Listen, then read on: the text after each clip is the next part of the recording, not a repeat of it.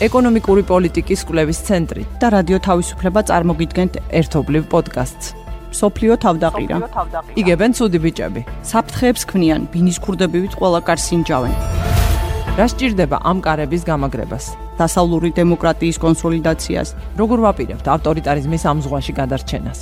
ამაზე ვისაუბრებ ნინო ევგენიძე და ნინო გელაშვილი ჩვენ სტუმრებთან ერთად ყოველ კვირას პოდკასტში სოფლიო თავდაყირა. სოფლიო თავდაყირა. მოგესალმებით და გთავაზობთ ეკონომიკური პოლიტიკის კვლევის ცენტრისა და რადიო თავისუფლების ერთობლივი პოდკასტის სოფლიო თავდაყირა მორიგ გამოშვებას. რომელშიც ჩვენ დღეს ვილაპარაკებთ რუსეთის გააქტიურებულ მოქმედებებზე, გააქტიურებულ პოლიტიკაზე, დასავლეთის წინააღმდეგ და კონკრეტულად შევეხებით იმ დოკუმენტების პროექტებს, რომლებიც მან შეთავაზა შეერთებული შტატების წარმომადგენელს სულ ახლახან მოსკოვში ვიზიტისას და ეს გახლავთ შეთანხმებების პროექტები შეერთებულ შტატებსა და ნატოსთან. ერთ-ერთი საკითხი ნატოსთან შეთანხმების პროექტში გახლავთ ის, რომ ჩრდილოატლანტიკური ხელშეკრულების ორგანიზაცია აღარ უნდა გაფართოვდეს და მან უარი უნდა თქვას უკრაინისა და სხვა ქვეყნების როგორც დოკუმენტში აღნიშნული მიღებაზე ალიანსში. ჩვენი დღევანდელი პოდკასტის სტუმარი გახლავთ დევიდ კრამერი, Freedom House-ის ყოფილი დირექტორი, შეერთებული შტატების სახელმწიფო მდივნის ყოფილი მოადგილე და ფლორიდის საერთაშორისო უნივერსიტეტის ევროპისა და ევრაზიის პროგრამის დირექტორი. David, it's our great pleasure and honor having you. David, მოგესალმებით. ჩვენთვის დიდი პატივია, რომ დღეს ჩვენი პოდკასტის მსოფლიო თავდაყირას ერთ-ერთი პირველი საერთაშორისო სტუმარი ხართ. დღევანდელ გადაცემაში ჩვენ ვისაუბრებთ საქართველოსა და უკრაინაში მიმდინარე 21 საუკუნის საომარ მოქმედებებზე. თქვენ ალბათ ყველაზე კარგად ხედავთ იმ უამრავ მსგავსებას, რომლებიც თან ახლავს რუსეთის ომისთვის მზადებას 2008 წელს გვაგონებს საქართველოსა და დღეს უკვე უკრაინასთან მიმართებით. იქნება ეს სამხედრო ნაწილების გადაადგილება თუ საინფორმაციო პროპაგანდა. ამ მსგავსებათა მიუხედავად უკრაინაში მიმდინარე მოვლენები დასავლეთისთვის როგორც ჩანს კვლავ მოულოდნელი აღმოჩნდა. როგორ ფიქრობთ, რა უნდა იყოს მიზეზი იმისა, რომ დასავლეთი, დასავლელი პოლიტიკოსები და აკადემიური წრეების წარმომადგენლებიც ჯიუტად ვერ ხედავენ რუსეთის აგრესიული ქმედებების ლოგიკასა და კანონზომიერებებს? among the Western policymakers. Well, Nino, both Ninos, if I may. Thank you for. პირველ რიგში მადლობა მინდა გადაგიხადოთ მოწვევისთვის და მინდა გამოვიყენო ეს შესაძლებლობა და აღვნიშნო რომ თითქმის 2 წელი არის თბილისში არ ყოფილვარ და ძალიან მენატრება თქვენი ქვეყანა. საქართველოს მოქალაქეები და მინდა ყველაფერი საუკეთესო გისურვოთ 2022 წელს. Hope to see you soon again. მეც იმედი მაქვს რომ მალე გიმასპინძლებთ თბილისში. მეც ვიმედოვნებ და ასევე იმედი მაქვს რომ 2022 წელი იქნება უკეთესი წელი თქვენი ქვეყნისთვის, ჩემი ქვეყნისთვის და მთელი მსოფლიოსთვის. იმისთვის შეიძლება ითქვას რომ ძალიან რთული რამდენიმე წელი გამოვიარეთ. Let's hope but something needs to be. იმედი ვიქონიოთ, თუმცა უკეთესი მომავლისთვის მოქმედებაა საჭირო. დიახ, ნამდვილად ჩვენ ვერ მივცემ თავს იმის უფლებას, რომ უბრალოდ დავსხდეთ და ველოდოთ, როდის შეიცვლება ვითარება უკეთესობა. გეთანხმებით. ჩვენ უნდა ვიყოთ პროაქტიულები. რა შეიძლება შენს კითხვას, ნინო, მიმაჩნია, რომ ამ ორ მოვლენას შორის 2008 წლის საქართველოს, რუსეთის ომსა და უკრაინის მოვლენებს შორის ნამდვილად არსებობს მსგავსებები. 2007 წელს ესტონეთზე განხორციელებული კიბერშეტევები ჩვენთვის რუსეთის მხრიდან მეზობლების მიმართ აგრესიულ ქმედებაზე გადასვლის ნიშანი უნდა ყოფილიყო. განსაკუთრებით იმის გათვალისწინებით, რომ ამ შემთხვევაში მოსკოვმა აგრესია გამოავლინა არა მხოლოდ მეზობლის, არამედ ნატოს ახალი წევრის მიმართ. ანალოგიურად დასავლეთი მოუმზადებელი აღმოჩნდა 2008 წლის ომისთვის და ვფიქრობ, რომ სათანადოდ ვერ ვუპასუხეთ ამ გამოწვევას. არ უნდა დაგვავიწყდეს აგვისტოს ომიდან რამდენიმე თვის შემდეგ ობამას ადმინისტრაციის მიერ რუსეთისთვის შეთავაზებული იყო გადატვირთვა reset initiative რომელმაც 2008 წელს რუსეთის საქართველოსში შემოჭრა პრაქტიკულად მოხსნა დასავლეთის დღის წესრიგიდან. ფიქრობ, რომ ჩვენი მხრიდან გამომჟღავნებული უმოქმედობა დამატებითი ხელშემწყობი ფაქტორი აღმოჩნდა პუტინის გადაწყვეტილებისთვის თავს დასხმოდა 2014 წელს უკრაინას. ჩვენ არც ამისთვის აღმოჩნდით მზად. ვიტყოდი რომ ამ გამოცდილებისგან ჩვენ ბევრი ვერაფერი ვისწავლეთ, მაგრამ სამართლიანობა მოითხოვს აღნიშნოთ ისიც, რომ მსგავსებების გარდა ამ შემთხვევაში განსხვავებებიც არსებობს. ამ შემთხვევაში ბაიდენის ადმინისტრაციამ გაცილებით უკეთესად იმუშავა პარტნიორებთან რუსეთის სამხედრო აგრესიის საპასუხო სანქციების შემუშავების და მათი დაკისრებისთვის მზაობის თემაზე. ასევე უფრო ეფექტური იყო ამ საკითხთან დაკავშირებით უკრაინასთან დიალოგიც. თუმცა ჩემი აზრით აქ პრობლემა ის არის, რომ ჩვენ წინასწარ ვაფრთხილებთ რუსეთს ჩვენი შესაძლებლობების შესახებ. როცა პრეზიდენტმა ბაიდენმა პუტინთან ტელეკონფერენციის დროს თქვა, რომ ამერიკის შეერთებული შტატების მიერ სამხედრო ძალის გამოყენება გამოსავალი არ არის და რომ ეს შესაძლებლობა არ განიხილება. რა თქმა უნდა, შესაძლებელია სიმართლე იყოს, ეს სიმართლეა, მაგრამ რა საჭიროა ამ საკითხის პუტინისთვის თქმა? ეს არ იყო საჭირო. მე მაღელვებს ის, რომ პუტინი ჩვენ საკმაოდ სერიოზულად არ აღვიქვამს და ეს რუსეთის საგარეო საქმეთა სამინისტროს განცხადებებში აისახება.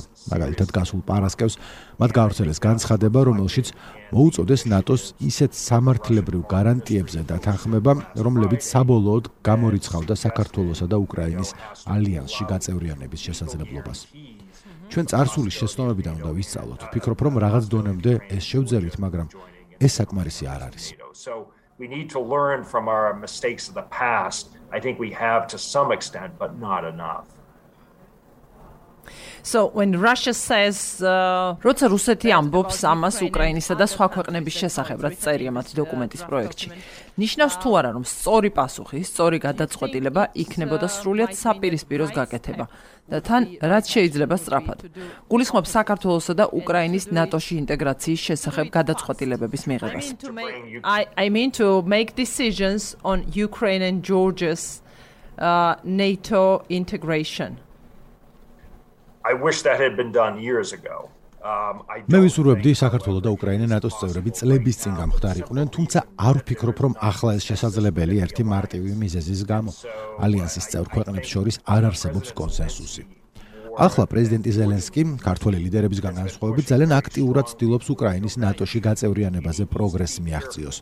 თუმცა ეს ფრთხილად უნდა იყოს, რადგან თუ ის ნატოს ალიანსის წევრებისგან პასუხს ახლა მოითხოვს, სამწუხაროდ პასუხი უარყოფითი იქნება. მიუხედავად ამისა, მიმაჩნია, რომ ზელენსკის ქმედება სწორია. ის აქტიურად რომ არ აწუხებდეს ნატოს ლიდერებს ალიანსში გაწევრიანების თაობაზე, ასე რომ არ ხდებოდეს. მაშინ ალიანსის წევრები მიიჩნევდნენ, რომ არც უკრაინა და არც საქართველო არის დაინტერესებული შეუერთდნენ ალიანსს.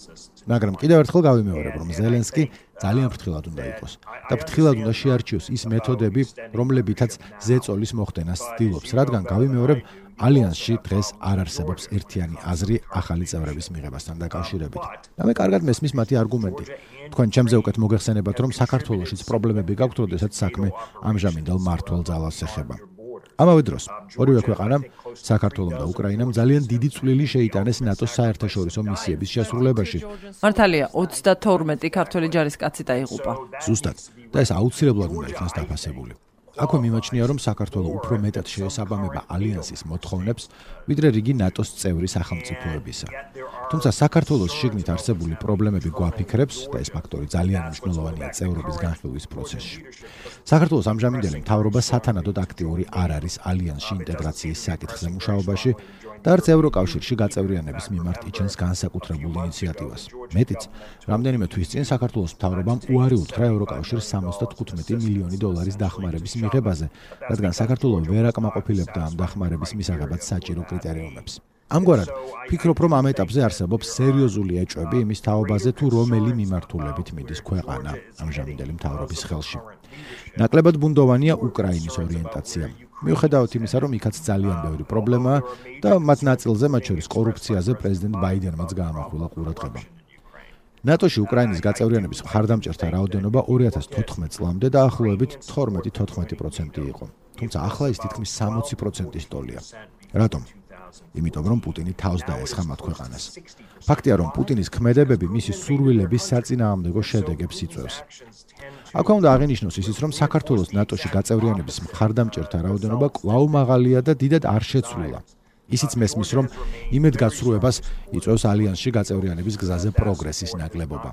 მართალია, თქვენ ვერ მიიღეთ მაპი, მაგრამ მე ვფიქრობ, რომ ამ მომენტში მაპის მიღება დადებითი შედეგის მომტანი არ იქნება არც საქართველოსთვის და არც უკრაინისთვის, რადგან ეს იქნება უკან გადადგმული ნაბიჯი.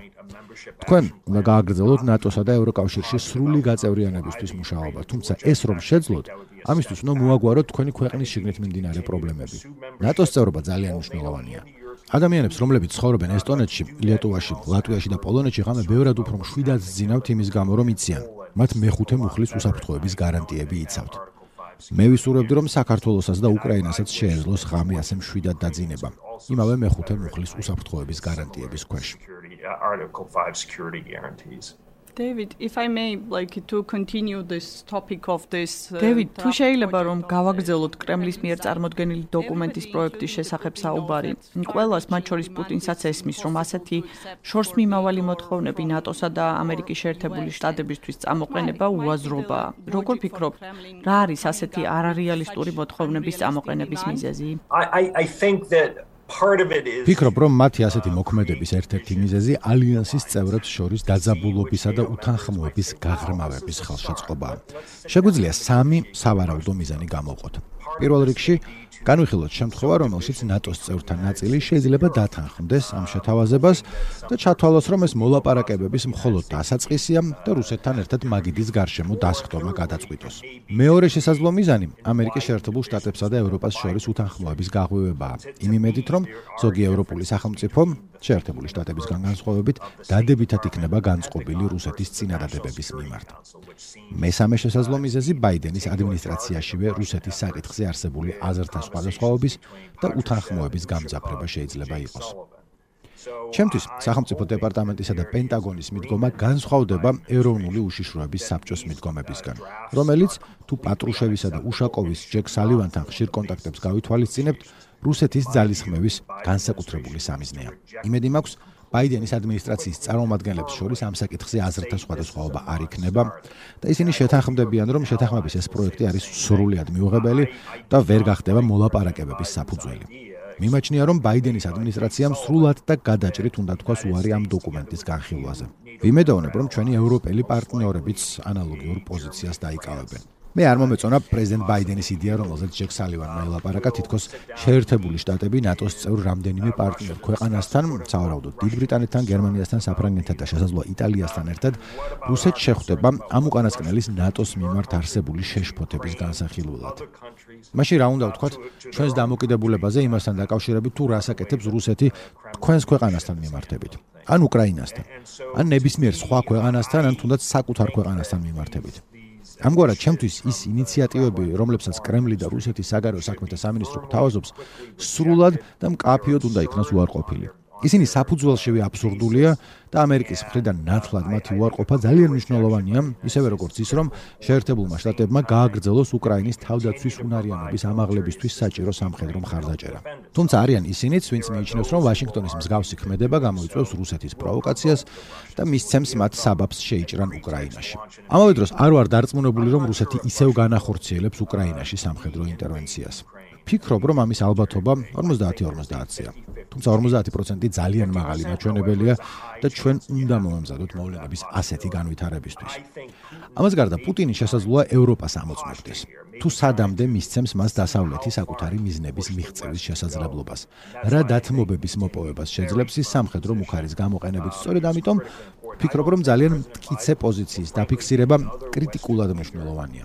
მიმაჩნია, რომ პრეზიდენტი ბაიდენი ან რომელიმე დასავლელი ლიდერი არ უნდა შეხვდეს პუტინს, სანამ კრემლი არ გაიყვანს სამხედრო ძალებს როგორც უკრაინის ტერიტორიიდან, ისე მისი საზღვრებიდან და ჩვენ ამაში დარწმუნების შესაძლებლობა უნდა გქონდეს. ძალიან მინდა ვნახო, როგორ ტოვებს რუსეთის ჯარები უკრაინის ტერიტორიებს, როგორ ტოვებს საქართველოს ოკუპირებულ ტერიტორიებსაც, მაგრამ ყველაზე ცოტა, რაც ამ კრიზისის ფონზე შეგვიძლია, ის არის რომ არ შევხვდეთ პუტინს მანამ, სანამ ის საკუთარ ჯარებს არ მოაცილებს უკრაინის საზღვრებს. ეს თემა რო განვავრცოთ, ვაშინგტონმა მოითხოვა ერთკვირიანი ვადა იმისთვის, რომ დაეფიქსირებინა ოფიციალური პოზიცია მოსკოვის ულტიმატუმზე. ამ საკითხთან დაკავშირებით ჩვენ მოვისმინეთ სენატორ რიშის მიერ გაკეთებული განცხადებები, რომლებიც შედარებით კაფიო იყო, ასევე სახელმწიფო დეპარტამენტის განცხადებები, რომლებიც იყო შედარებით ბუნდოვანი. როგორ უნდა უპასუხოს ვაშინგტონმა მოთხოვნებს, რომლებიც ფაქტიურად 21-ე საუკუნის იალტის კონფერენციის გამართვას გულისხმობს და რომლებიც პარიზისა და ჰელსინკის დეკლარაციებში ასახულ პრინციპებს ეწინააღმდეგება. არსებობს თუ არა ისეთი გზა, რომელიც კრემლის ამ აბსურდულ ულტიმატუმის მიღების გარეშე განმუხტავს ამ დაძაბულობას? Ამ საკითხთან დაკავშირებით პრეზიდენტ ბაიდენის ადმინისტრაციის წარმომადგენელმა განაცხადა რომ ამ დოკუმენტში ჩამოთვლილ მოთხოვნათა ნაწილი მიუღებელია და ეს თავად რუსეთსაც კარგად ესმის მაგრამ ასევე არის წამოყენებული პირობები რომელზეც მუშაობა შეიძლება და ამ საკითხებთან დაკავშირებით საუბრისთვის თეთრი სახლი მზად იქნება. არ ვიცი რა ნაწილს ეხება ეს განცხადება და არ ვიცი რა არის იმ დოკუმენტში განხილვის ღირსი მე პირადად ვისურვებდი რომ ბაიდენის ადმინისტრაციას არ დაეყოვნებინა. რუსეთისთვის დღესვე გაეგზავნა ძალიან ნათელი პასუხი და ეთქვა. მადლობა მაგრამ არაფერი გამოვა. არ ვფიქრობ რომ ეს დოკუმენტი ან მისი ნაწილი შეიძლება რაიმე დისკუსიის თუ მოლაპარაკებების საფუძველი იყოს. მიმაჩნია რომ რაც უფრო მალე უარყოფთ რუსეთიდან მომავალ შეთავაზებებს უკეთესი იქნება რადგან ეს გამორიცხავს ორაზროვან პოზიციებს როგორც ნატოს წევრ ქვეყნებს შორის ასევე თავად ბაიდენის ადმინისტრაციაშიც ამიტომ არ მესმის რაში სჭირდებათ ერთი კვირის მოცდა იმისთვის რომ პასუხი გაუგზავნონ რუსეთს და რაც უფრო მალე ვეტყვით რომ ეს შეთავაზებები მიუღებელია მით უკეთესი იქნება Do you think that uh, continuation of dialogue ფიქრობთ რომ შტატებსა და რუსეთს შორის დიალოგის გაგრძელება მაინც საჭირო იქნება?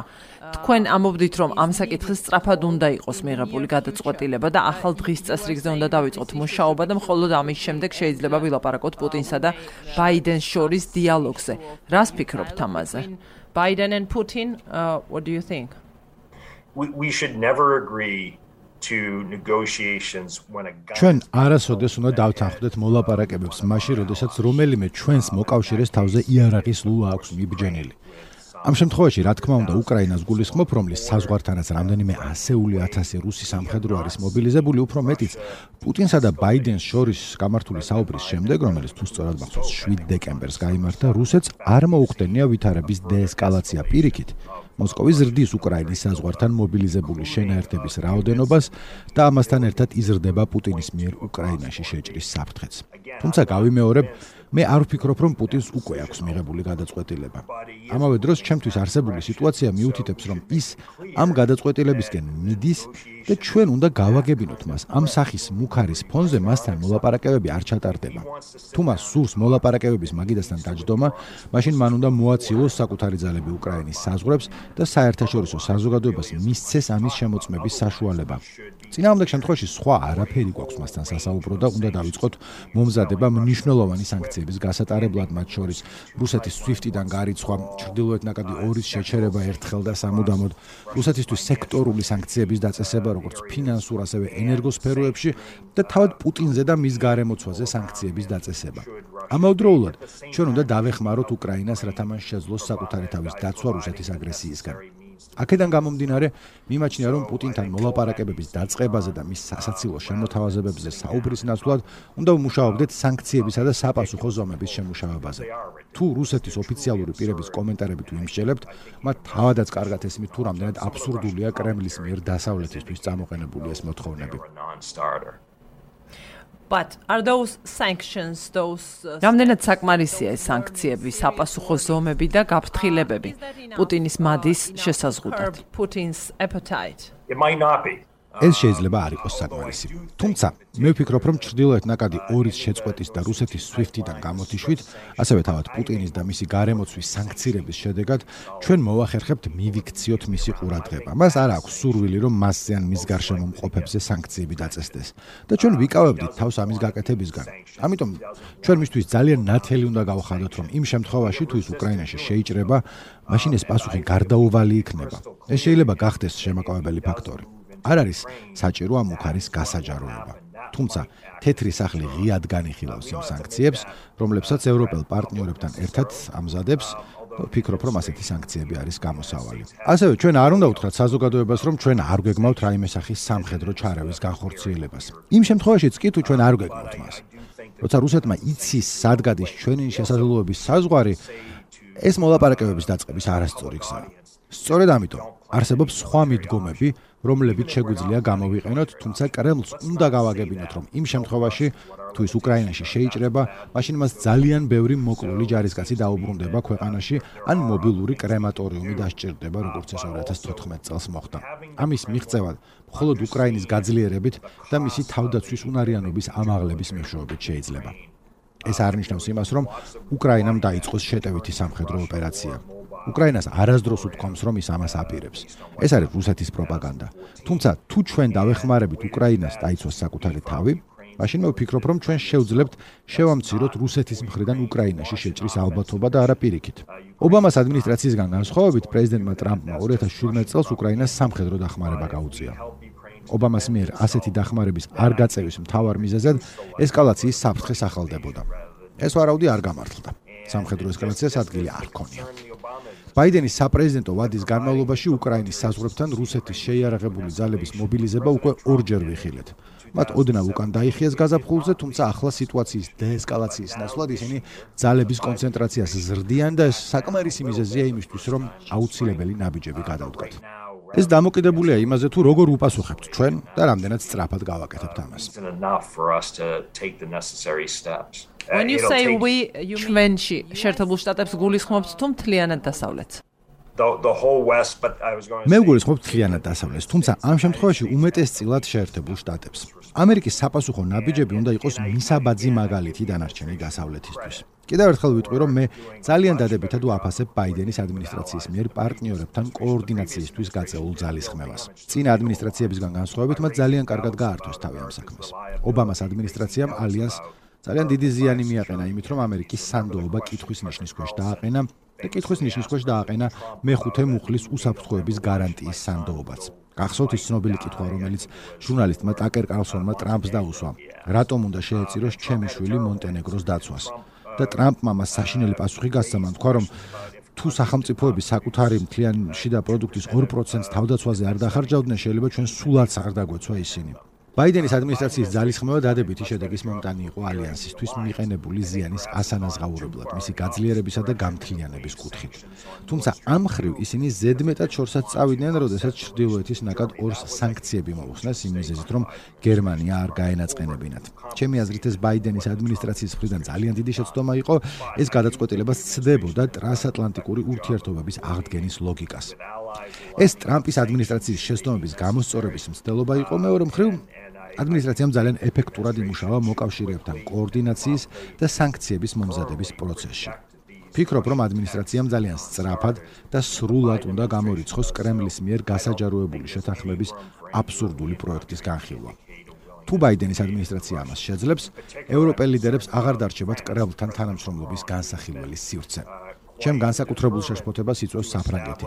კერძოდ კი პრეზიდენტი მაკრონი, რომელიც არ მალავს მის სულს გამართოს მოსკოვთან დიალოგი უსაფრთხოებაზე.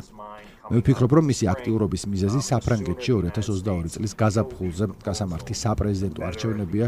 შესაბამისად, რაც უფრო მალე გამორიცხავს ვაშინგტონი რუსეთის შეთავაზების განხილვის შესაძლებლობას, მით უფრო უკეთესი იქნება ეს ალიანსისთვის. Maybe last question. No, no, not very last. და ბოლო შეკითხვა. არა, არა, ეს არ არის ბოლო შეკითხვა, ჩვენ კიდევ გვაქვს დრო. The კარგი, თქვენ ახსენეთ, რომ არ გაქვთ პუტინის უკრაინაში შეჭრის მოლოდინი და ამის 50%-იან ალბათობას უშვებთ. რა გაძლევთ ამის თქმის საფუძველს? უკრაინა ჩვენთვის ახლო მეზობელი და მეგობარი ქვეყანაა. ძალიან გვაღელვებს იქ მიმდინარე მოვლენები. ის დაძაბულობა, რომლებიც უკრაინის საზღვრებთან არსებობს, ჩვენზეც მოქმედებს, რადგან ჩვენ ერთმანეთთან ჭიდროთ ვართ დაკავშირებულები, რაც საქართველოსში ხდება, ასახვას პოვებს უკრაინაზე და პირიქით, რა საფრთხეც ემუქრება უკრაინას, ის საფრთხე ძალიან მალე ჩვენს დაგვემუქრება. ამ საკითხთან დაკავშირებით თუ შეგიძლიათ რომ თქვენი მოსაზრებები გაგვიზიაროთ. We are Black Sea allies. Um, თქვენ შავი ზღვის მოკავშირეები ხართ და თქვენ საერთო საფრთხის წინაშე დგახართ, რომელსაც კრემლი წარმოადგენს. არაერთხელ მithქვამთ, რომ ძალიან წუხვარ იმის გამო, რომ უკრაინასა და საქართველოს შორის თანამშრომლობის ძალიან დაბალი დონე იყო წლების განმავლობაში. ფიქრობ უფრო მეტი და ეფექტური კოორდინაცია უნდა არსებობდეს ორ ქვეყანას შორის, რომელსაც ნატოსა და ევროკავშირის წევრობა სურს და რომლებიც მოსკოვიდან მომავალ საფრთხეს თანაბრად განიცდიან. აქედან გამომდინარე, ნინო, შენ აბსოლუტურად მართალი ხარ, რაც უკრაინაში ხდება, მხოლოდ უკრაინაზე არ იქონიებს ზეგავლენას, არამედ მისი რეზონანსი გავრცელდება მთელ შავი ზღვის რეგიონზე და უფრო შორსაც ევროპის კონტინენტზე. რადგან ეს იქნება მესამე შემთხვევა, როდესაც პუტინმა დაარღვია ევროპული ქვეყნის საზღვრები და ტერიტორიული მთლიანობა. პირველად რა თქმა უნდა 2008 წელს, როდესაც ის შეიჭრა საქართველოში, მეორედ 2014 წელს, როდესაც ის თავს დაესხა უკრაინას და მოახდინა ყირიმის უკანონო ანექსია და ახლა თუ ის კვლავ გაიმეორებს ამ ქმედებას, ეს უკვე მესამე შემთხვევა იქნება, რომელიც წლის ბოლოს ან შემდეგ წელს მოხდება. მე ვფიქრობ, რომ 50%-იანი ალბათობა ძალიან მაღალია. ჩვენ ვერ დავიმშვიდებთ თავს იმ 50%-ით, რომელიც საპირისპირო სცენარის ალბათობაა. ჩვენ ორივე სცენარისთვის მზად უნდა ვიყოთ. რუსეთი ან დაესხმება თავს უკრაინას, ან ეს ყველაფერი პუტინის მორიგი ბლეფი აღმოჩნდება. აქვე აღნიშნავ იმასაც, რომ ჩემი აზრით კრემლს და რუსეთის სამხედრო ხელმძღვანელობას წესით კარგად უნდა ესმოდეთ. დღეს უკრაინის შეიარაღებული ძალები იმაზე გაცილებით ძლიერია, ვიდრე 2014 წელს იყო. უკრაინის ტერიტორიული მთლიანობის დარღვევის მცდელობა მძიმე შედეგებთან იქნება დაკავშირებული. შეხვდა რამდენიმე ანალიტიკური სტატია, რომელთა თანახმად პუტინი კიევამდე ჩასვლას და მთავრობის დამხობას შეეცდება. ეს ძალიან ძვირად ღირებული მცდელობა იქნება. ასეთი სამხედრო ინტერვენცია გამოიწვევს როგორც უმკაცრესი სანქციების დაწესებას, ისე ნატოს ძალების ბალტიის ქვეყნებში, პოლონეთსა და რუმინეთში მნიშვნელოვან ზრდას. მეტიც არ არის გამორიცხული, ამან გამოიწვევს ამერიკული სამხედრო ძალის რაოდენობის ზრდა თქვენს ქვეყანაშიც. შესაბამისად, იმედი მაქვს, რომ პუტინი და მისი კოლეგები კარგად ხვდებიან თუ რა შედეგები მოხდება უკრაინაზე თავდასხმას. მნიშვნელოვანია რომ ომის თავიდან აცილებისთვის ჩვენ არ ჩავერთოთ ისეთ მოლაპარაკებებში, რომლებიც უარს გვათქმევინებს ჩვენს ღირებულებებზე და პრინციპებზე. ეჯგვარეშია, რომ ის რაც ხდება უკრაინაში, თქვენს ქვეყანაზეც აისახება. მე მაღელვებს შეერთებული შტატების ძალების ნაკლებობა, ზოგადად ჩავის ზღვის რეგიონში და განსაკუთრებით სამხრეთ კავკასიაში. ჩემი აზრით, ამერიკის შეერთებული შტატები და დასავლეთი ვერ ხვდებიან იმ შედეგებს, რომლებიც მთიანი ყარაბაღის მეორე ომისას და მას შემდეგ დასავლეთის პასიურობას მოყვა, მათ შორის საქართველოსთვის. შესაბამისად, ჩვენ საკმარისად უნდა ვიყოთ ჩართულნი რეგიონში მიმდინარე მოვლენებში და იმედი მაქვს, რომ მალე ასეც იქნება. თუმცა ერთ-ერთი ხელშემშლელი ფაქტორი საქართველოსში მიმდინარე პროცესებიც არის. ეს რთული სიტუაცია, თუმცა ჩვენ უნდა მოვემზადოთ ყველაზე ცუდი სცენარისთვის, თუმცა ამავდროულად ისიც უნდა გავითვალისწინოთ, რომ არც საპირისპირო შემთხვევაში უნდა დავთმოთ ჩვენი პრინციპები, ღირებულებები და მოკავშირეები ამ პროცესში. we need to protect our principles and values and our allies in the process. When you are talking about the როცა თქვენ საუბრობთ სამხრეთ კავკასიაში, შავი ზღვის რეგიონსა და საქართველოსში შეერთებული შტატების ძალების ჩართულობის გაზრდის შესახებ. ეს ამოცანა დროის რა პერიოდშია შესრულებადი? რამდენიმე დღეში, ერთ წელიწადში თუ რამდენიმე წელს გულისხმობთ? of next years or several years. I I think they are of today's uh, tasks and მე ვფიქრობ რომ ეს პროცესი დღესვე უნდა დაიწყოს, თუმცა უნდა იყოს მდგრადი და გრძელვადიანი. ჩვენ ვერ მივცემთ თავისუფლებას მოვიდეთ ჩვენი დროშა ავაფრიალოთ და წავიდეთ. ფიქრობ რომ ეს სტრატეგია ითვალისწინებს გრძელვადიან ძალისხმევას, რომლის განხორციელებაც დღესვე უნდა დაიწყოს. შავი ზღვის რეგიონში ძალების გაზრდის მხრივ ჩვენ ცირედ, მაგრამ მაინც გამოვასწორეთ ჩვენი პოზიციები, ალბათ გახსოვთ, გაზაფხულსა და ზაფხულში რამდენიმე ამერიკული ხომალდი აღარ შემოვიდა შავ ზღვაში, თუმცა ახლა შედარებით მომატებულია მათი რაოდენობა. ეს ამოცანა უნდა გადაიჭრას ჩვენს პარტნიორებთან თანამშრომლობით და ამასთან დაკავშირებით აღსანიშნავია ბრიტანელების მიღწევები. ასევე მნიშვნელოვანი როლი უნდა შეასრულოს ამ პროცესებში თურქეთმა. თურქეთი მართალია ძალიან რთული ქვეყანაა, მაგრამ თურქეთი ნატოს წევრებს შორის სიდიდით მეორე სამხედრო ძალის მფლობელია. შესაბამისად, მას მნიშვნელოვანი როლი ენიჭება ამ პროცესებში, თუმცა უნდა მივაქციოთ ყურადღება იმას, რომ თურქეთს ურთიერთობა აქვს აზერბაიჯანთან, რომელსაც თავის მხრივ კონფლიქტი აქვს სომხეთთან. ეს ძალიან რთული საკითხია.